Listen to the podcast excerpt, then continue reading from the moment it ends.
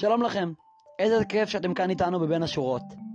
בין השורות של כל שיר מסתתר מסר שהמשורר מנסה להעביר לקהל. אבל לא רק, בין השורות של כל שיר יש איזשהו רגש, תובנה, שהקהל חווה. לא תמיד המשורר חשב על זה בכלל, אבל פשוט הקהל מרגיש את זה. מתחבר למילים, מתחבר למנגינה. כל שיר והסגנון שלו, כל בן אדם והזווית שלו, והתחושה שלו. לי קוראים אהרון פריימן.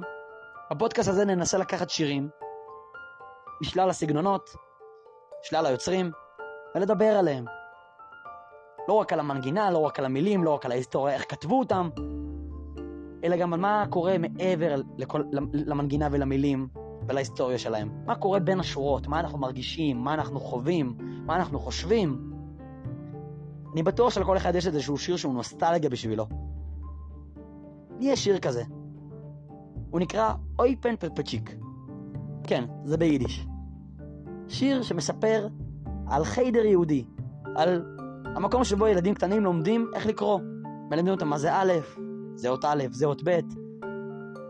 את השיר הזה שמעתי מסבא רבא שלי, עליו השלום. סבא מאיר, שם משפחה מאיר גושיצקי. נפטר ממש לפני כמה שנים בודדות. אני בתור ילד גדלתי על השיר הזה, אבל לא רק שמעתי את השיר הזה ממנו, בן אדם שכל המשפחה שלו הייתה בשואה, במחנות, חלק ניצלו, חלק לא. והשיר הזה בעצם מספר את ההיסטוריה שלפני המלחמה. זה לא רק שיר היסטוריוני, זה לא רק שיר שסבא שלי היה שר. זה שיר שאני ראיתי איך סבא שלי בוכה שהוא שר אותו. אנחנו נדבר על המסר של השיר, על התחושות שהשיר גורם להרגיש, על הרגש שאני זוכר שסבא שלי נתן לנו כשהוא שר את השיר הזה. נאזין כעת לשיר, מיד אחרי ההאזנה ננסה יחד להבין, להרגיש את בין השורות של השיר. האזנה נעימה.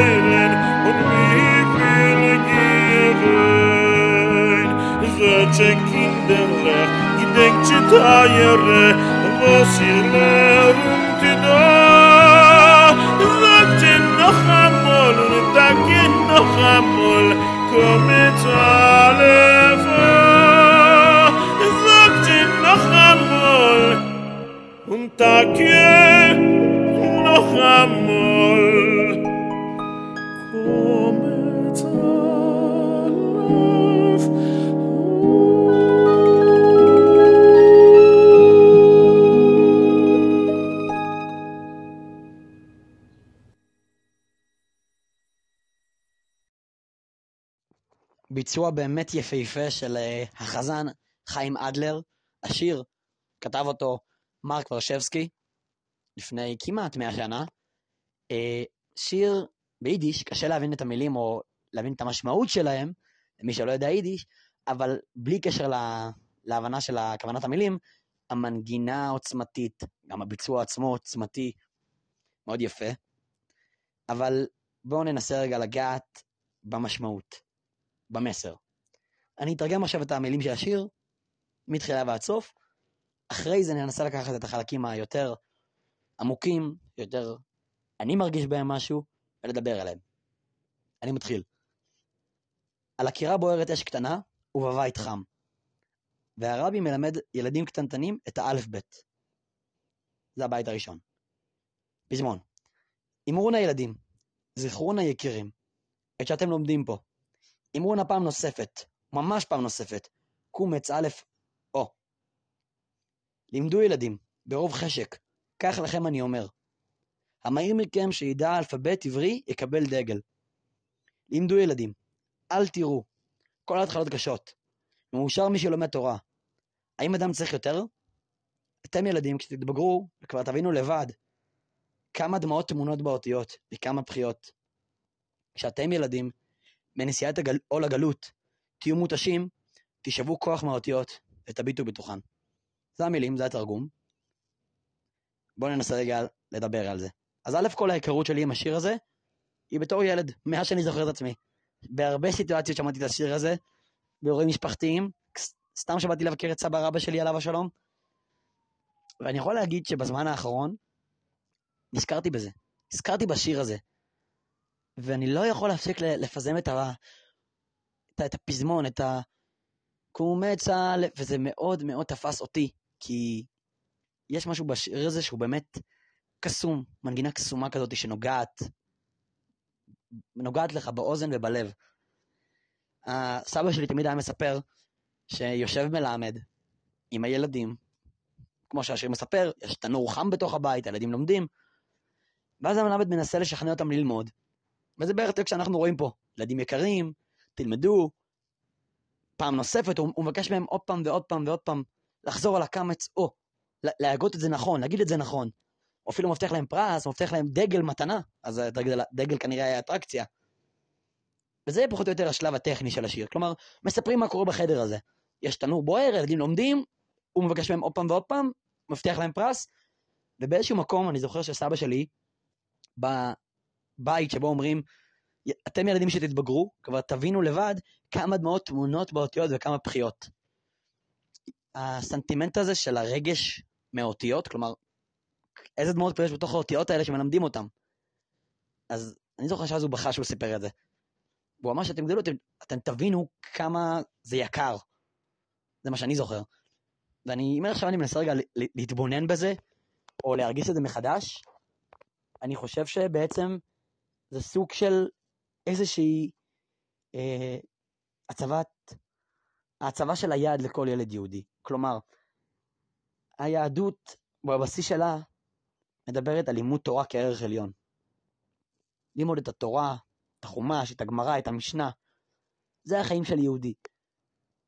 אז, לפני מלחמת העולם, השנייה זה היה מאוד מאוד ברור, ככה העולם היהודי התנהל, לא היה אז מושגים של יציאה לשוק העבודה, או גם, גם היה, היה, היה יותר יהודים דתיים מאשר יהודים לא דתיים. וזאת הייתה הרוח, לימוד תורה, בית מדרש. ולכן האותיות האלה, כלומר, זה כמו שכדי לנהוג ברכב צריך רישיון. כדי לדעת ללמוד תורה צריך את האותיות האלה. בלי האותיות האלה, זה כאילו אין לך רישיון. אם התפקיד שלך הוא לנהוג על משאית, אתה חייב לדעת ללמוד לנהוג, בלי זה אין לך מה לעשות. בלי האותיות האלה, אין איך ללמוד. וזה בעצם כל, כל ילד שלמד לקרוא בעצם קיבל את ההזדמנות ללמוד. לא ללמוד ברמה הטכנית, עכשיו הוא יכול לקרוא, אלא הוא יוכל להגיע עכשיו לתכלית שלו. ללמוד תורה. האותיות עצמם הם חלק מלימוד התורה. ללמוד את האותיות של, של השפה העברית, התורנית. זה היה איזשהו רצון של כל אימא וכל אבא, שכל ילד ידע את האותיות. של כל מלמד. אנחנו רואים שהמלמד אומר לילדים, כמה דמעות טמונות באותיות. בעיניי זה סוג של, אין לכם מושג כמה לנו, ההורים, המחנכים, שאנחנו רוצים שתגיעו לתכלית שלכם, שתעשו את הדבר הכי טוב בעולם, כמה דמעות אנחנו מפילים לתוך האותיות שתצליחו ללמוד, שת, שתצליחו לקרוא. אולי גם מעבר ל, לרצון הטכני שתצליחו לקרוא וללמוד, האותיות האלה מסמלות, האותיות העבריות מסמלות את התורה. זה מסמל משהו, כי הספר תורה כתוב באותיות של אלפאבית, של, של הכתב שאנחנו מכירים, הכתב העברי. ובעצם יש כאן איזשהו באמת אהבה אמיתית לתורה, והיום בחיידרים, במגזר החרדי זה יותר קיים, שמלמדים ילדים, שמלמדים ילדים לקרוא את האלף-בית, רוצים שהילד יאהב את, את האותיות. זה לא רק שהוא בעזרתם יכול ללמוד, אלא הוא באמת יאהב את האותיות, ומה שעושים זה שמים דבש על האותיות. ואז הילד אומרים לו ללקק מהדף את הדבש, ויוצא בעצם שהילד מלקק את האות. זה אולי יכול להישמע קצת אה, מוזר, אבל זה איזשהו אקט כזה שהילד אוהב את התורה עד כדי כך שהוא מנשק אותה, שהוא נוגע בה עם, ה, עם, ה, עם הגוף שלו, בלשון. זה פחות או יותר מה ש... הנקודה הזאת של למה כל כך חשוב לימוד האותיות. מדברים פה על לימוד אותיות סך הכל. מה הולך פה בשיר שזה כל כך דרמטי? זה כי האותיות האלה הם לא רק סמל, סליחה, הם לא רק כלי ללמוד, הם גם סמל ללימוד. הם סמל למשהו יהודי. ובעצם השיר הזה אה, מבטא, אם אני עכשיו נזכר, מנסה להבין רגע, מבט לאחור, אז הייתי די צעיר. זה היה לפני שבע שנים פחות או יותר, אם אני לא טועה. פחות. זה היה לפני משהו בסגנון בין, בין, בין שש לשבע, שמונה שנים. לא זוכר בדיוק מתי פעם אחרונה הוא שר את זה. הוא נפטר לפני משהו כמו חמש שנים, אבל כשהוא שר את זה, אני חושב שסבא רבא שלי, בן אדם שברח לפני שהשואה התחילה, אבל המשפחה שלו חלקה כן נשארה בשואה, חלקה נאבד שמה, השם ייקום דמם. ואז בעצם אנחנו מגיעים, כל היהודים של אז, עד היום מגיעים לעולם קצת חדש. כלומר, היהדות שהייתה בפולין וגרמניה וכל העולם, כל אירופה לפני המלחמה לא חזרה להיות כמו שהייתה בדיוק. הבית הספר שלה, הבתי כנסיות שלה, אז ההוואי שלה, אז המשפחתיות שהייתה אז, החיים היהודיים התוססים התחלפו באיזשהו משהו חדש, משהו שיש לו את הנגיעות של פעם, את הזיכרון של פעם, אבל זה כבר לא, זה כבר לא מרכז החיים. לפחות לא ברוב, אצל רוב האנשים. וסבא שלי, שהוא שר את זה, לפחות בזווית שלי כרגע, הוא סוג של נזכר כמה מתוק היה העולם הזה. כמה מתוק היה אז, שכולם באמת חיו סביב האותיות. שכולם חיו סביב התורה, סביב הלימוד. שהחלום של האבא והאימא היה שהילד ידע לקרוא וללמוד כדי, להתח... כדי להתחבר לקדוש ברוך הוא, להתחבר לתורה. וכשהוא שר את זה, הוא לא רק אה, נזכר בעבר, הוא גם מתחבר להווה. סבא שלי נפטר, ברוך השם, בגיל מבוגר, בשיבה טובה, משפחה סביבו, נינים, נכדים, בנים שעשו לו הרבה הרבה נחת, הוא מאוד נהנה, מאוד שמח בהם, אבל הוא גם באופן אישי היה הולך לשיעורי תורה, היה מתפלל, היה... אהב, אהב ללמוד, הוא היה הולך לשיעור תורה, וזה משהו כזה שזה לא מובן בגיל המבוגר הזה ללכת לבית כנסת כל יום, ללכת ברגל לבית כנסת כל יום, לפעמים, לשבת בשיעור ולהקשיב, כי סבא שלי זה לא רק נוסטלגיה שהוא זוכר והוא מנסה לנצור אותה בליבו. זה איזושהי אהבת אמת לתורה. אתה באמת מתחבר ל- ל- ל- למתנה הזאת, עם ישראל חי על המתנה הזאת שנקראת תורה. זה, זה איזשהו, זה, זה, זה לא רק חומר חכם ויפה, זה באמת משהו שהוא קדוש. זה כמו מתנת נישואים, שהאישה מקבלת מהבעל או הבעל מקבל מהאישה. הוא אוהב את זה לא רק כי זה, זה מתנה מאוד שימושית או מתנה מאוד יפה, הוא אוהב את זה כי הוא קיבל את זה מהאישה, שהכי אוהב, מהאישה שהוא הכי אוהב, או כי היא קיבלה את זה מהאיש שהיא הכי אוהבת. ככה גם עם ישראל, בזווית התורנית, יהודית, הוא כל כך אוהב את התורה, את ה... כי לא רק היא חכמה ויפה, היא באמת כזאת, והיא עמוקה ומתוקה, אלא כי קיבלנו אותה מהקדוש ברוך הוא כסמל לזה שאנחנו עם נבחר. וזה מתוק. זה כמו שמישהו, אמא קונה לילד סוודר, אז גם אם הסוודר יפה, הוא לובש את זה לא רק כי הסוודר יפה, כי, הוא, כי אמא שלי הביאה לי את הסוודר הזה. אז הוא לובש את זה כל הזמן. הוא, הוא, הוא, הוא מתקרבל בסוודר הזה, הוא אוהב אותו. זה, זה מתוק לו הסוודר הזה, זה נעים לו הסוודר הזה, הסוודר הזה מחמם אותו יותר מכל סוודר אחר בעולם. המילים של התורה, האותיות של התורה, הן מתוקות, והן יפות, והן נוגעות, כי קיבלנו אותן כאיזושהי מתנת, מתנה מהקדוש ברוך הוא, משהו אישי בשבילנו. והשיר הזה ספציפית, אם עכשיו אני מנסה ככה להמשיך קצת לסוף, הוא מדבר על שלב מאוד מאוד מאוד אה, טרי בילדות. כלומר, הילדים יושבים בבית ספר, הם עוד לא יודעים לקרוא אפילו. כלומר, לא מדובר כאן איזה שיר על איזשהו אה, תלמיד חכם גדול, שהמילים של השיר מתארות את הלימוד שלו של איזו סוגיה מורכבת בגמרא, שהוא צריך להביא את הספרים של הפוסקים הראשונים, את הפוסקים האחרונים, ולהביא את התלמוד הירושלמי ואת התוספות. לא, זה לא מדובר כאן על לימוד ברמה מאוד מאוד מאוד גבוהה. מדובר כאן על משהו נורא בסיסי, וזה מה שהופך את השיר הזה לכל כך מתוק. מדובר כאן על רגע מאוד מאוד מרגש, רגע ראשוני, רגע שבו ילד מתחיל ללמוד, ומסתכלים על המילים ורואים מה נאמר פה בעצם. אתם תתבגרו ילדים, ואז אתם תבינו כמה זה מתוק, כי ילד יושב, והוא מבחינתו רוצה לשחק בחוץ, בבוץ עם החברים, והוא לא מבין את המשמעות של לשבת בכיתה ולקרוא מדף אותיות.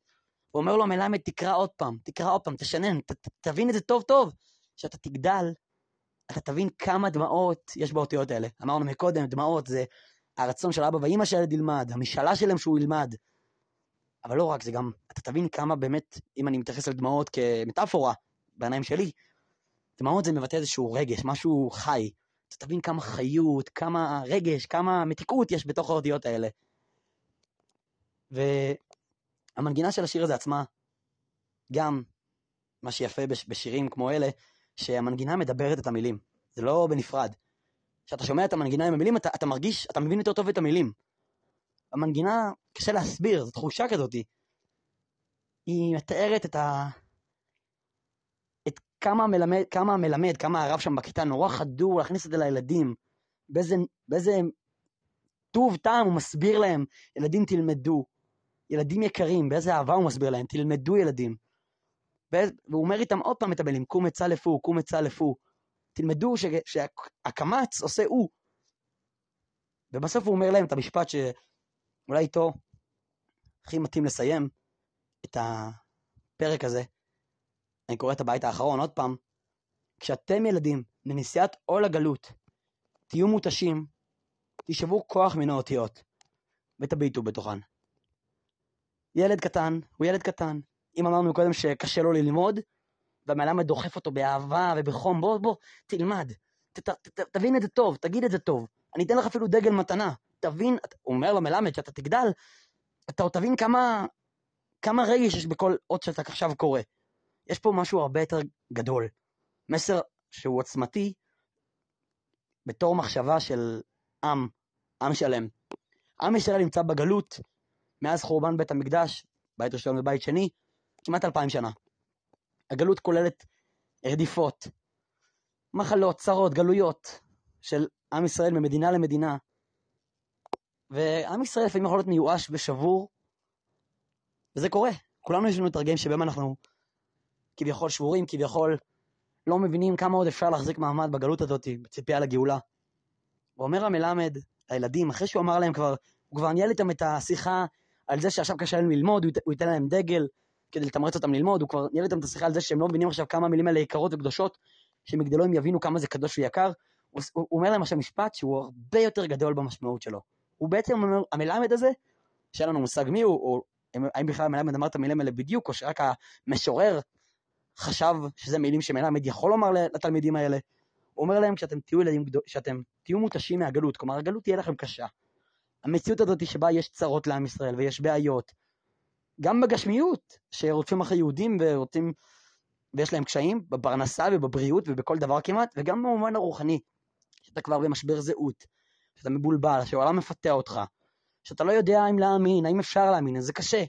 אומר להם המלמד, שתהיו, שתהיו מותשים, תשאבו כוח מהאותיות. האותיות האלה מכילות בתוכם, כמו שאמרנו מקודם, את הסמל לעם יהודי, את המתנה שקיבלנו מהקדוש ברוך הוא. הנה, אנחנו קוראים לקדוש ברוך הוא, תראה איזה מתנה קיבלנו, את העומק הזה של התורה. האותיות האלה לא רק סמל, הם, כשלומדים אותם, אתה באמת מרגיש איזושהי קרבת אלוקים. אתה באמת פוגש בתורה חוכמה ועומק ויופי שממלאים אותך. האותיות האלה, מעבר לזה שהן סמל לעם יהודי ושיש בהן יופי ועומק, הן גם מזכירות לך, מי לימד אותך את האותיות האלה? אבא שלך, סבא שלך. אתה זוכר שהם לימדו אותך את זה? באיזה מסירות, באיזה אהבה, כמה הם היו מחוברים לזה, כמה זה החזיק אותם, כמה זה מילא אותם, והם למדו את זה מאבא שלהם, ומסבא שלהם, וכן הלאה, כל הדורות אחורה. סבא למד מסבא שלו, וסבא למד מסבא שלו. כמו שאותם זה מילא, כבר כמעט אלפיים שנה, אפילו יותר. עם ישראל דור אחרי דור לומד את האותיות האלה. כלומר, זה החזיק אותם. אתה רואה שהאותיות האלה לא נעלמו מההיסטוריה, עם ישראל נשאר חי וקיים. האותיות האלה לא התחלפו בשפה אחרת. האותיות האלה, כמו התורה, כמו המסורת היהודית, כמו העם היהודי, נשארו דור אחרי דור אחרי דור אחרי דור. כשאתה רואה את האותיות האלה, אתה נזכר בזה. אתה נזכר שעם ישראל הוא סוג של עם נצח. הוא עם נצח. כמו שהתורה שרדה, העם היהודי שרד, אנחנו נשרוד את, את ההמשך. אנחנו נתגבר על הקשיים הרוחניים והגשמיים, על הבעיות, על הצרות. הגאולה תבוא מתישהו. המילים האלה נותנות כוח. גם כי הן מזכירות שיש לנו קשר אלוקי, התורה היא המתנה שמסמלת את זה. גם כי התורה עצמה, ללמוד אותה זה פשוט מעורר ומחייב, ויש בה מתיקות. וגם כי המילים האלה, האותיות האלה, ישב מלמד בכיתה לפני מאה שנה, ואמר לילדים, אתם תראו שהאותיות האלה ייתנו לכם כוח. אני אומר לכם את זה, גם לסבא רבא שלי אמרו את זה, גם לסבא רבא שלו אמרו את זה. הזיכרון הזה שהאותיות האלה הן אותן אותיות שלפני אלפי שנים, שמדור לדור זה מחזיק מעמד, ודור מדור, ודור מדור זה מחיה את מי שלומד את האותיות האלה. זה ממלא אותו. אז גם אותנו, גם את מי שקורא עכשיו, ב-2022, מבחינת תשפ"ב את האותיות האלה, זה עדיין מחייב וממלא אותו. סבא רבא שלי, סבא מאיר, שאולי זה המקום להגיד עליו כמה מילים. הוא איבד חלק נכבד מהמשפחה שלו, כמעט את כולה. אבל הוא תמיד היה שמח. תמיד היה עם חיוך. תמיד היה לו אור בעיניים, ואני יודע שזה נשמע קלישאות, אומרים את זה בדרך כלל על כל עם, אבל אצלו זה לא קלישאה, זה באמת היה ככה. השיר הזה באמת היה נקודה חמה שבה הוא מדבר על העולם של אז, ולא רק על העולם של אז, אלא הוא אמר, אני זוכר שהוא הסתכל לתוך העיניים שלי ואמר לי, האותיות, שאתה תגדל אהרון, כמו שבשיר. אז, אז, אז אתה אולי תוכל להבין כמה הטמעות יש בתוך האותיות. עכשיו אנחנו דיברנו על זה, הבנו קצת יותר טוב, נגענו בזה קצת יותר, הרגשנו את זה אולי, אולי קצת יותר הרגשנו את זה. אז הלוואי שנסתכל על האותיות, נתעמק בהן, נתמלא ונתרגש מהן, והלוואי שלא נצטרך יותר להתגבר על הגלות הזאת, אלא בקרוב ממש כבר נזכה לתחיית המתים, בגאולה האמיתית והשלמה, לפגוש את סבא שלי ולשיר ביחד איתו את השיר הזה. תודה רבה לכם שהאזנתם לפרק הזה. אני מאוד מקווה שנהנתם. אם יש לכם תגובות, משהו שאתם רוצים לומר על השיר הזה, אם אתם רוצים לבחור שיר שבא לכם לדבר עליו, או מישהו שאתם רוצים שיתארח פה, בבקשה, אני מאוד אשמח שתגיבו, תשלחו לנו תגובות בכתובת המייל המצורפת. אני הייתי אהרון פריימן, זה פודקאסט בין השורות, ניפגש בפרק הבא, בשיר הבא. בשורות טובות, משיח נאו.